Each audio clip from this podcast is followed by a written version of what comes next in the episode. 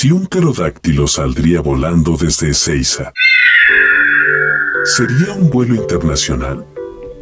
¿Vos qué pensás? Si fuera un vuelo de cabotaje, ¿saldría desde el Jorge Newberich?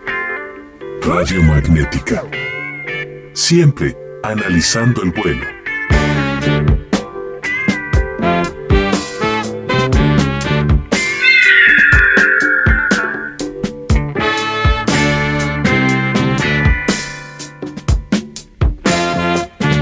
Radio Magnética.